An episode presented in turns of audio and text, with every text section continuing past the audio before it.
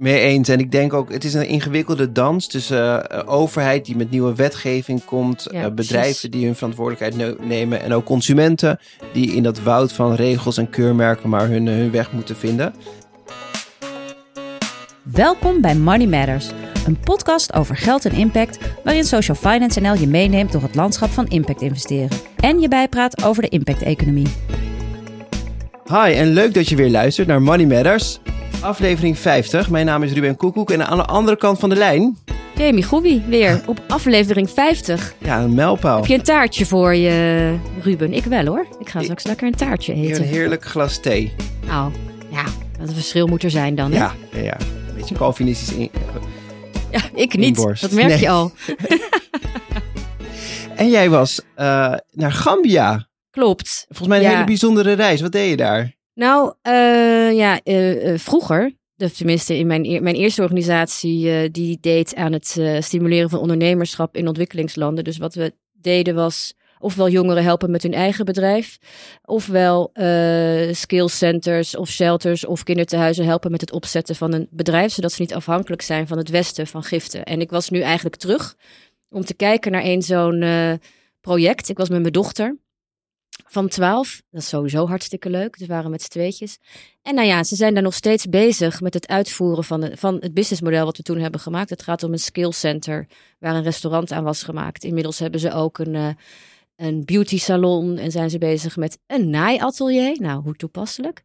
Uh, dus dat hebben we bekeken. En ik kreeg wel weer de kriebels. Ik dacht, misschien ga ik toch nog weer even wat, wat, wat verder helpen met... Uh, misschien een stukje nog voortzetten. Want het is wel mijn oude passie om daar direct ondernemerschap te stimuleren. Vond ik wel echt heel leuk. Ja, dus, wat gaaf uh, dat het ook duurzaam ja. is. Dat het zoveel jaar later nog, uh, nog Ja, zonder, zonder mijn hulp ook. Of zonder andermans. Uh, of in ieder geval zonder westerse hulp zijn ze gewoon dat businessplan blijven uitvoeren. En echt geloven in ondernemerschap naast ja, een, een non-profit activiteit. In dit geval het, het Skills Center.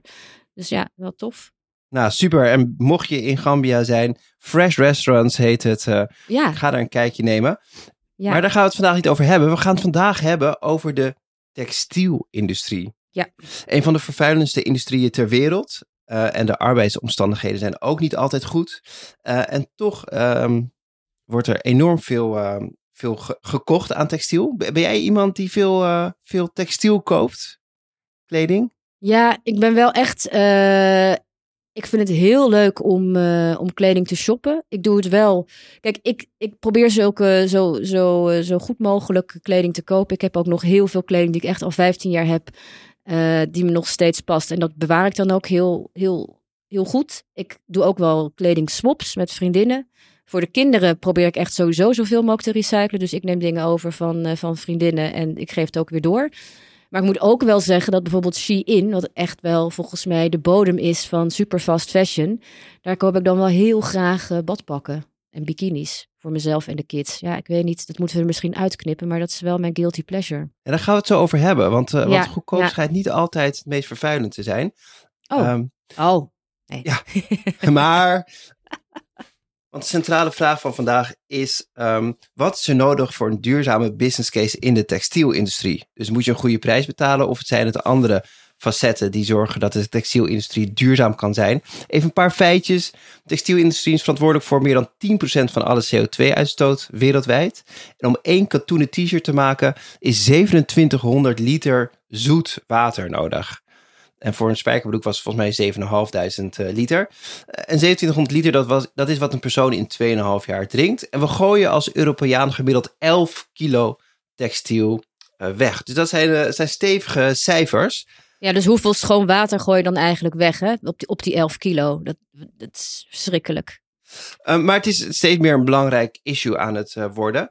En er was ook een ronde tafel in uh, Den Haag. Dus dan worden Kamerleden nodigen dan experts uit. En die gaan bij elkaar zitten en uh, de Kamerleden informeren over, over een bepaald onderwerp. En dit keer was de textielindustrie, werd georganiseerd door Kiki Hagen, was afgelopen donderdag. En um, um, Sam Wansink, een van onze redacteuren, die uh, heeft het gevolgd. En die heeft ook een aantal vragen gestel, gesteld aan deelnemers van die ronde tafel. En daar gaan we zo naar luisteren en dan gaan wij daar commentaar op leveren en de vraag beantwoorden: wat is er nodig voor een duurzame business case in de textielindustrie? Koop je wel eens iets bij Zeeman?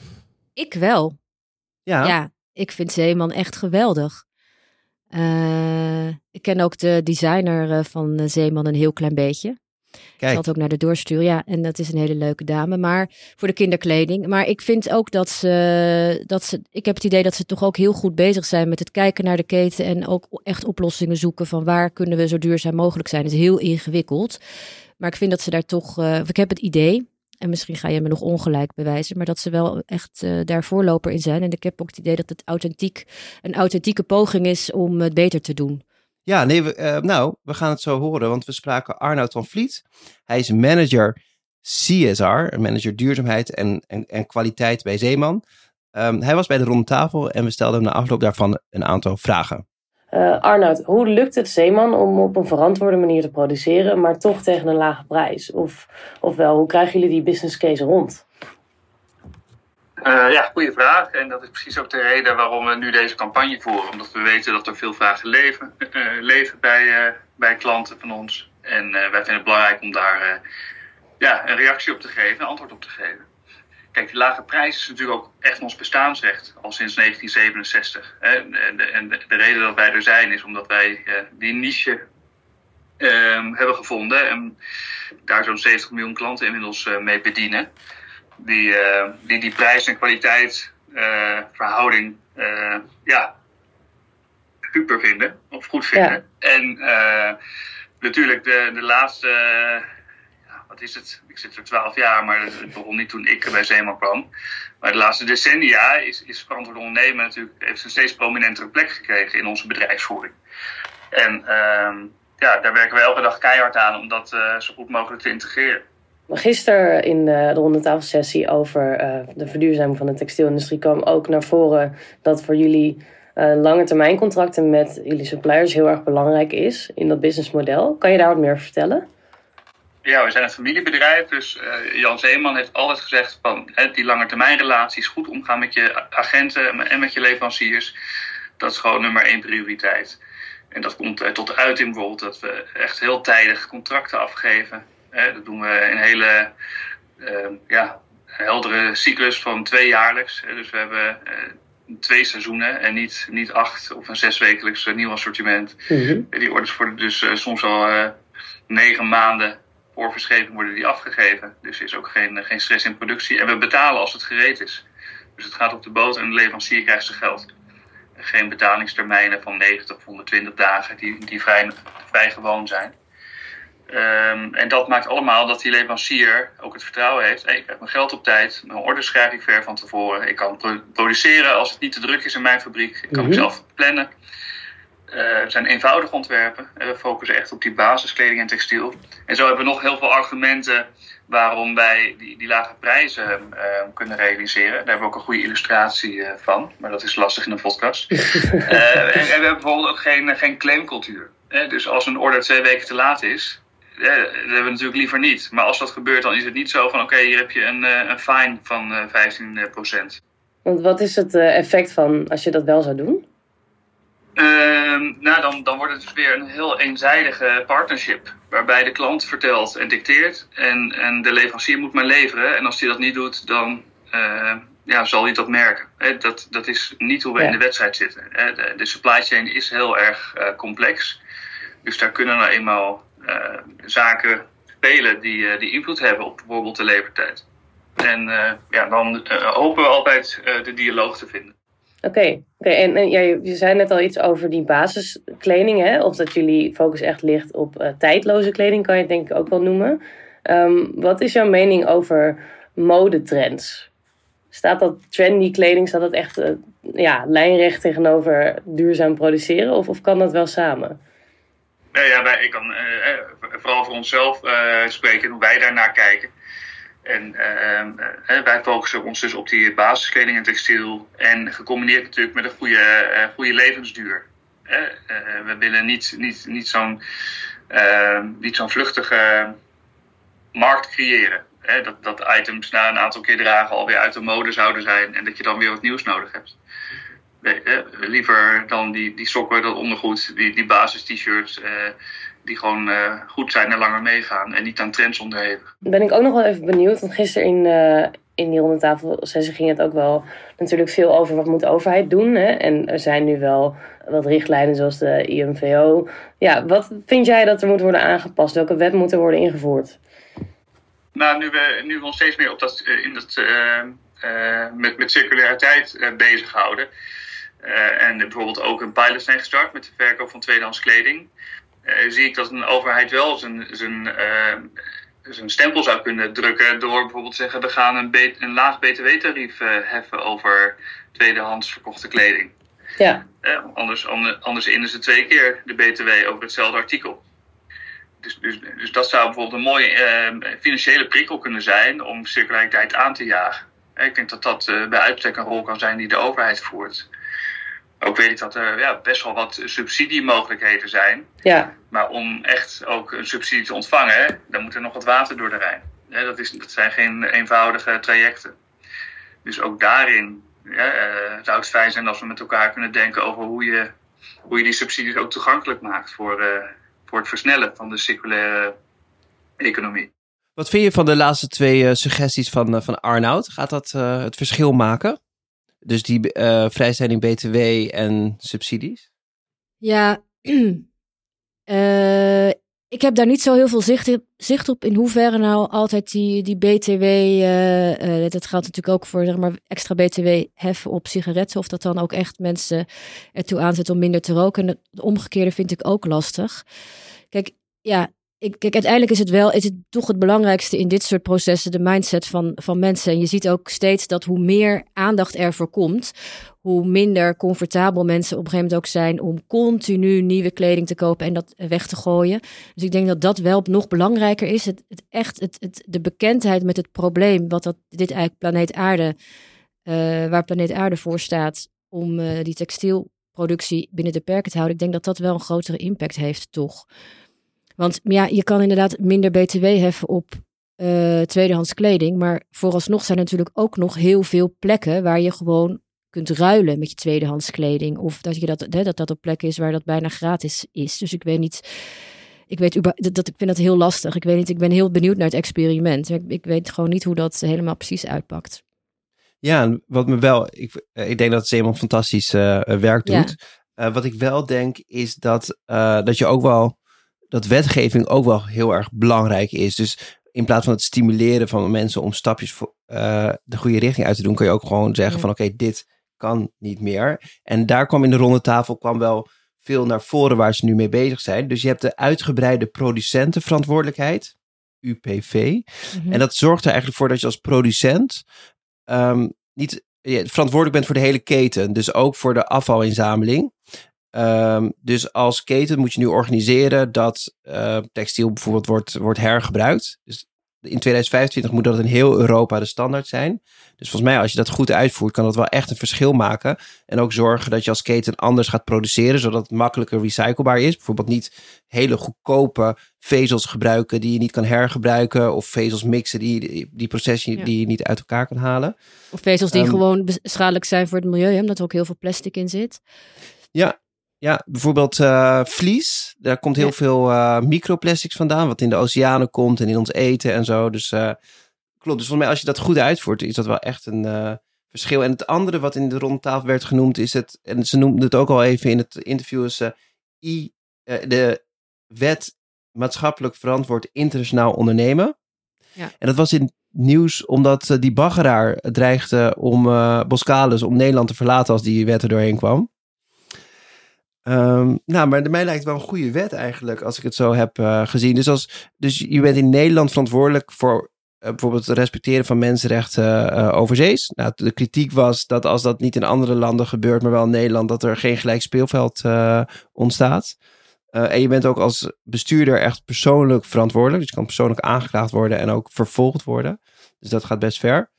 Um, maar ja, uiteindelijk moet het misschien wel in heel Europa komen, maar het op zich zou het, wat mij betreft, wel een goed idee zijn als Nederland voorloper is op, uh, op deze wet. Nou ja, maar wat je ook zegt, kijk, de overheid heeft wel een belangrijke rol. Je kan niet alleen het bedrijfsleven daarvoor verantwoordelijk stellen. Dus er moeten zeker ook richtlijnen en wetten worden aangepast. Om het bedrijfsleven natuurlijk wel die goede kant op te duwen. het is toch, die, de, dit zijn de bedrijven, het zijn de consumenten en de overheid die dit samen op moeten lossen. En ik ben het met je eens. Ik denk dat uh, Nederland daar prima toe in staat is. Maar ook nog wel met een aantal andere uh, Europese landen hoor. Duitsland en Frankrijk zijn ook uh, bezig met dit onderwerp. En daar wordt ook veel kleding gekocht. Dus ik denk dat dat heel belangrijk is. Ja. En ik kan me ook voorstellen dat de voorlopers er heel veel baat bij hebben. Dat degene die, waarmee ze moeten concurreren in Nederland, dat die dat die standaard omhoog gaat, zodat het voor hun ook makkelijker is om te concurreren met bedrijven die minder, het minder nauw nemen met duurzaamheid of de mensenrechten. Ja, dus je moet daar inderdaad wel ook ergens voor geïncentiviseerd worden uh, als bedrijf.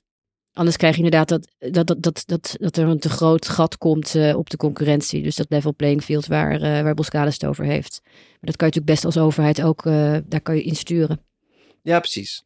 Ja. ja. Ja, en iemand die ook aanwezig was, was Femke den Hartog. Zij is Public Affairs Officer uh, bij In Retail, uh, maar ze is ook bestuurslid bij de Fairware Foundation. En deze organisatie houdt zich bezig met arbeidsomstandigheden en de rechten van fabrieksarbeiders die werkzaam zijn in de kledingindustrie. en zij helpen ook die retailers zoals Zeeman om beter rekening te houden met de um, arbeiders die werken bij hun leveranciers. Um, en haar sprak ik onder andere, of, of, of, Sam sprak haar, over of er nou in verre landen moet worden geproduceerd of dat we die productie naar Nederland moeten halen. Femke, ja, jij uh, was daar aanwezig en had het eigenlijk vooral over sociale duurzaamheid. Terwijl uh, de rest van het gesprek ging veel met circulaire koplopers. Um, lag die focus in het gesprek te veel op klimaat en minder op uh, arbeidsomstandigheden? Vond je dat? Ja, ik vond dat het voornamelijk ging over de circulaire en milieu-inspanningen die, die worden gevraagd van de, van de sector. En um, nou, dat, hè, die zijn ook nodig, daar moet ook uh, veel op, gebeurt, op gebeuren. Um, maar je kan dat zeg maar niet zien zonder, de, um, zonder wat er eigenlijk op hè, arbeidsomstandigheden moeten gebeuren en het respecteren van de mensenrechten, et cetera. Dus dat moet je wel in verhouding met elkaar uh, zien. Ja. ja. Om een voorbeeld, mag ik een voorbeeld geven? Zeker, ja. Dat is een, bijvoorbeeld een van de dingen die heel vaak wordt, uh, wordt geroepen. Uh, is we moeten de, eigenlijk vanuit de optiek van de, van de footprint, moeten we zorgen dat we niet meer in Bangladesh gaan produceren, maar moeten we dichter bij huis produceren. Nou, daar zitten een aantal vragen onder, want je kan je afvragen, hebben wij in Europa überhaupt capaciteit om dat te produceren?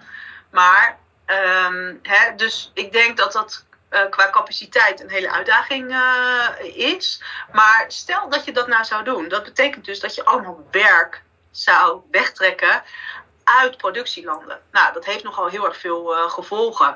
Dus dat moet je wel, hè, als je daarover nadenkt, dan moet je dat ook wel doordenken. Wat betekent dat dan? Of moet je gaan zeggen van, uh, moeten we gewoon niet kijken van hoe we productieprocessen zo in kunnen richten dat ze schoner, circulairder worden. En dat we daar juist die landen waarin we heel veel produceren, dat we die daarbij betrekken. En dat we die meenemen met die hele transitie. Dus dat zijn wel uh, hele belangrijke keuzes die, uh, die je daarin maakt. Hoe sta jij erin, Jamie? Moeten we, moeten we meer in het textiel, maar ook in andere industrieën waar je misschien actief bent, meer in Nederland zelf gaan doen? Of juist anders gaan samenwerken met, met partners in het buitenland?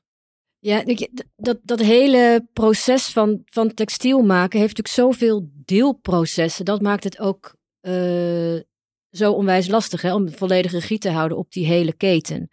Dat is ook de echte uitdaging. Zeeman zijn natuurlijk ook al van, uh, ja, we waren er eigenlijk twaalf jaar geleden waren we er al over aan het nadenken, maar toen waren we er nog niet aan toe, omdat het ook zoveel stapjes vraagt in het proces, in het gehele proces. Uh, en dan is natuurlijk de vraag, ja, waar heb je dan, um, waar heb je invloed op?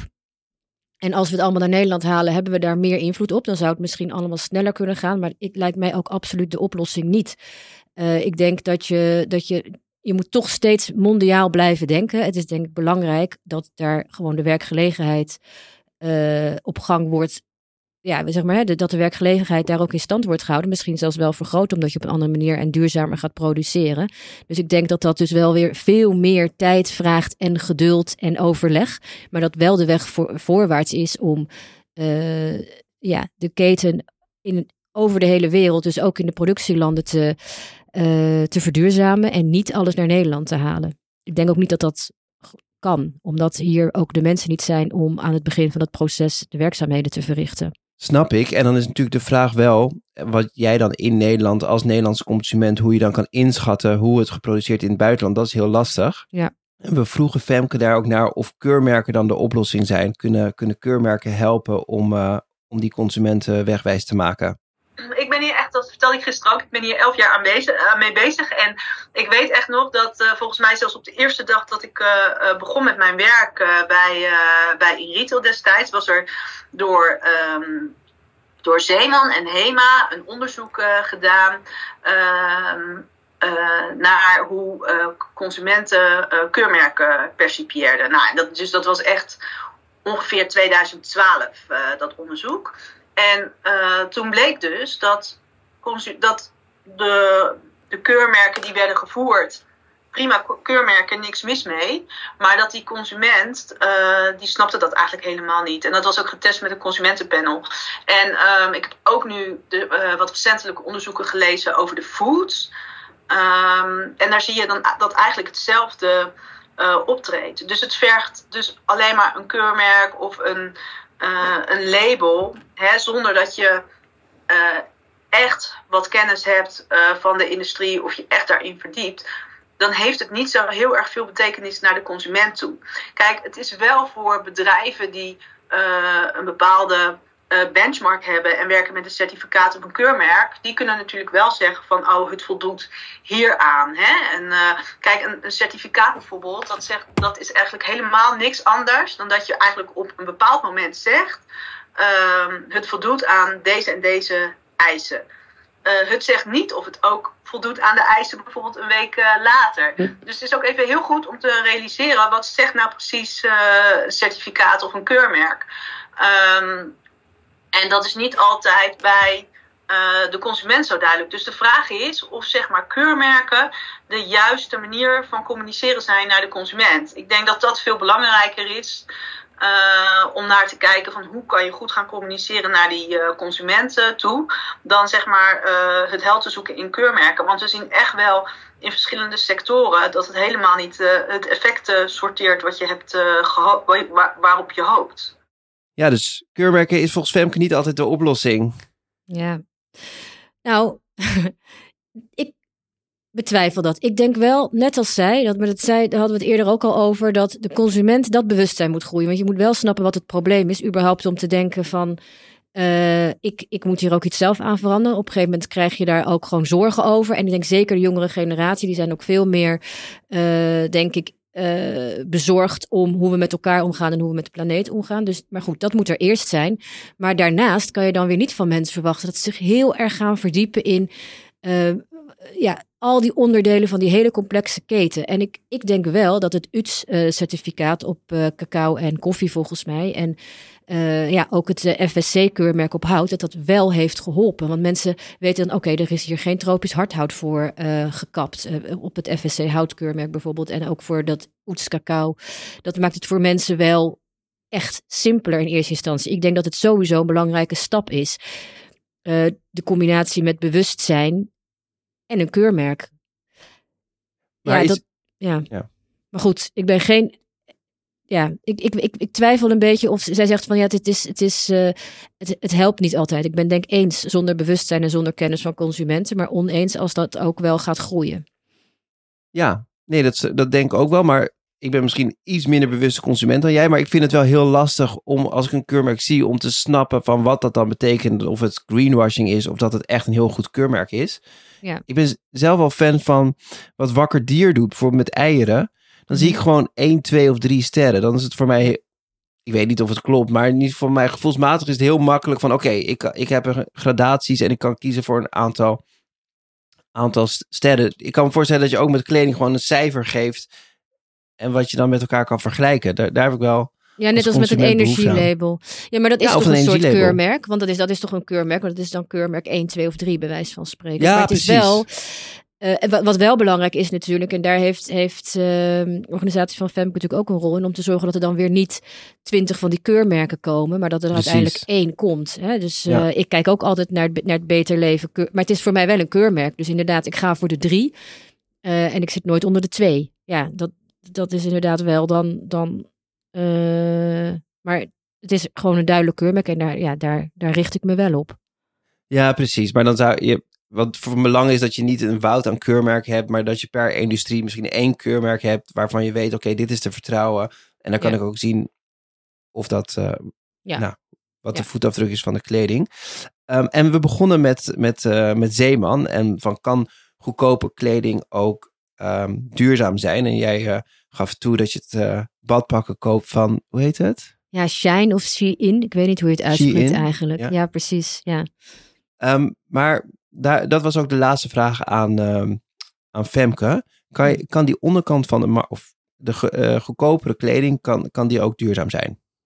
Kijk, als prijs iets zou zeggen over de mate van duurzaamheid, dan, eh, dan waren we heel eh, snel klaar. Ja. Maar in de afgelopen jaren dat ik in deze sector werk, heb ik echt eh, merken gezien die in een hoger segmenten hebben waar de tranen van in je ogen springen als je ziet hoe het eraan toe gaat.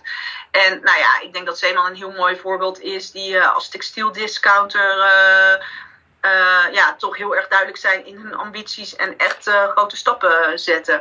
En dat heeft er een beetje mee te maken dat je kan niet in de keuken van die eh, merken ki- kijken en hoe die prijsstelling van kleding ook plaatsvindt. hè. Je ziet, ehm, kijk bijvoorbeeld grote, grote merken, die hebben ook ehm, een, hè, die geven op een hele andere manier geld uit eh, voor hun eh, PR en marketing eh, bijvoorbeeld. Dat is ook een onderdeel van de prijs. Dus, Hm. dus je hebt ook wel verschillende overzichten van ja, zo'n t-shirt, weet je, uit wat voor soort componenten is die, is die opgebouwd.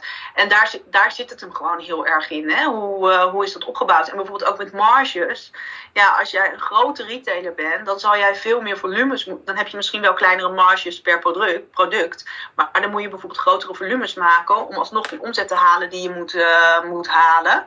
Ehm, ja, ben jij kleiner, dan zullen de marges op jouw producten veel groter moeten zijn. En dat, nou, en dat is eigenlijk de uitdaging eh, voor merken van hoe zorg je nou ehm, dat het achter in de keten heel goed, eh, heel goed geregeld is. Maar de prijs die uiteindelijk de consument daarvoor betaalt, dat zit niet in een hoge of een, of een lage prijs in het algemeen. Ehm, dus ja, dat is die, die, die prijsmix, dat is gewoon een ingewikkelde. Oké, dus de, on, de goedkoop hoeft niet altijd eh, slecht te zijn, eh, Jamie. Nee, ja, dat, dat, dat, eh, dat verbaast me ook niks. Eh, ik ben er wel blij om. Het is ook wel, het is, het is goed om te horen. Ik, maar ik, ik vraag me toch ook wel af, ook She- eh, Shein zal niet. eh, het, kijk, ik denk, ik denk dat ze zeker nog wel stappen kunnen maken om nog duurzamer en nog eh, eh, misschien arbeidsvriendelijker te produceren. Maar ik denk ook dat ook Shein, dat die keten daar ook weer heel erg ingewikkeld is met honderden, zo niet duizenden eh, leveranciers en eh, nou ja, goed, produ- producenten. En ik kan me wel voorstellen, dus als iets duur is, is het geen garantie dat de mensenrechten gewaardeerd, gerespecteerd worden, et cetera. Maar als iets Ja. heel goedkoop is, dan Ja. kan je toch wel bijna aannemen dat het niet kan onder bepaalde omstandigheden. En met bepaalde materialen. Ja, precies. Ja, Ja, dat denk ik ook. Dus het, eh, weet je, of dan alle materialen zo duurzaam zijn en dat die mensen inderdaad eh, gewoon elk uur even een rondje kunnen lopen, fatsoenlijke lunchpauze hebben en in een prettige, in een prettig gebouw werken met goede ventilatie. Ja, dat, dat vraag je dan wel af, inderdaad. Nou, als eh, conclusie, wat, wat heb jij meegenomen? Wat is er nodig voor een duurzame business case in de textielindustrie? Ja, nou, wat, wat, wat, ik, wat, ik, wat ik meeneem hieruit is toch hoe complex het is. En ook de mensen die heel graag willen veranderen, zoals Zeeman, die dat ook echt hebben gedaan, hoe lang ze daarover hebben moeten doen. Dus niet omdat ze daar heel lang over twijfelden misschien, maar omdat het toch heel complex is om dat aan te pakken. En dat we ook vooral geduldig moeten zijn met elkaar. Dus eh de Femke van Fairware, die is er al hartstikke lang mee, mee bezig. En daar zal ze misschien ook nog wel de komende tien jaar misschien wel met, met dezelfde intensiteit mee bezig zijn. Het is een complex probleem. Die vraagt gewoon dat alle stakeholders mee gaan bewegen. ehm, eh, om uiteindelijk tot een oplossing te komen. Ja, dat het tijd gaat kosten en, en geduld. Dat is het eigenlijk. Ja. En, ik, en ik hoop dat we die tijd hebben. Mee eens. En ik denk ook, het is een ingewikkelde dans tussen eh, overheid die met nieuwe wetgeving komt, Ja, eh, bedrijven precies. die hun verantwoordelijkheid ne- nemen en ook consumenten die in dat woud van regels en keurmerken maar hun, hun weg moeten vinden. Ik Ja. denk dat je vooral aan de overheidskant wel ziet dat er de komende jaren best wel wat strengere wetgeving komt die ervoor gaat zorgen dat de industrie een deel gaat verduurzamen. Maar inderdaad, er is enorm veel uh, te doen. De footprint van textiels uh, is, is, uh, is groot. Dus eigenlijk moet het tempo helemaal met je eens omhoog om, ja, om, om er echt een duurzame industrie van te maken. Ja.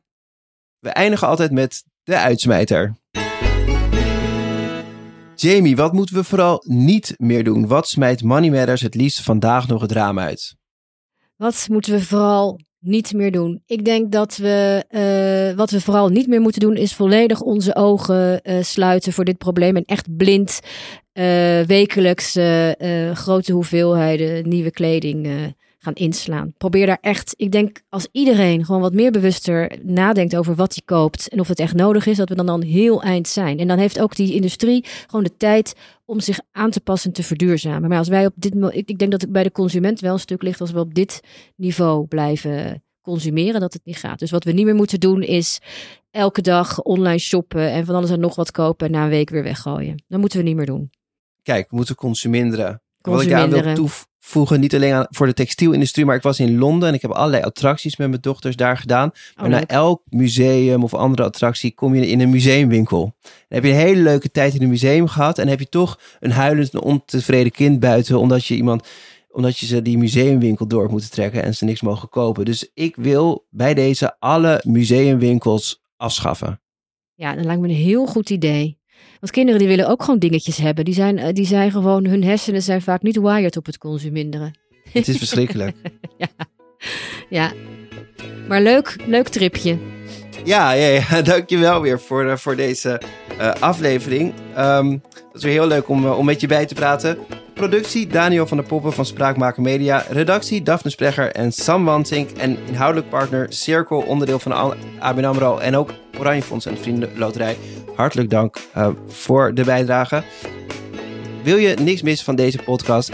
Abonneer je dan via je favoriete podcastkanaal. En tot de volgende keer.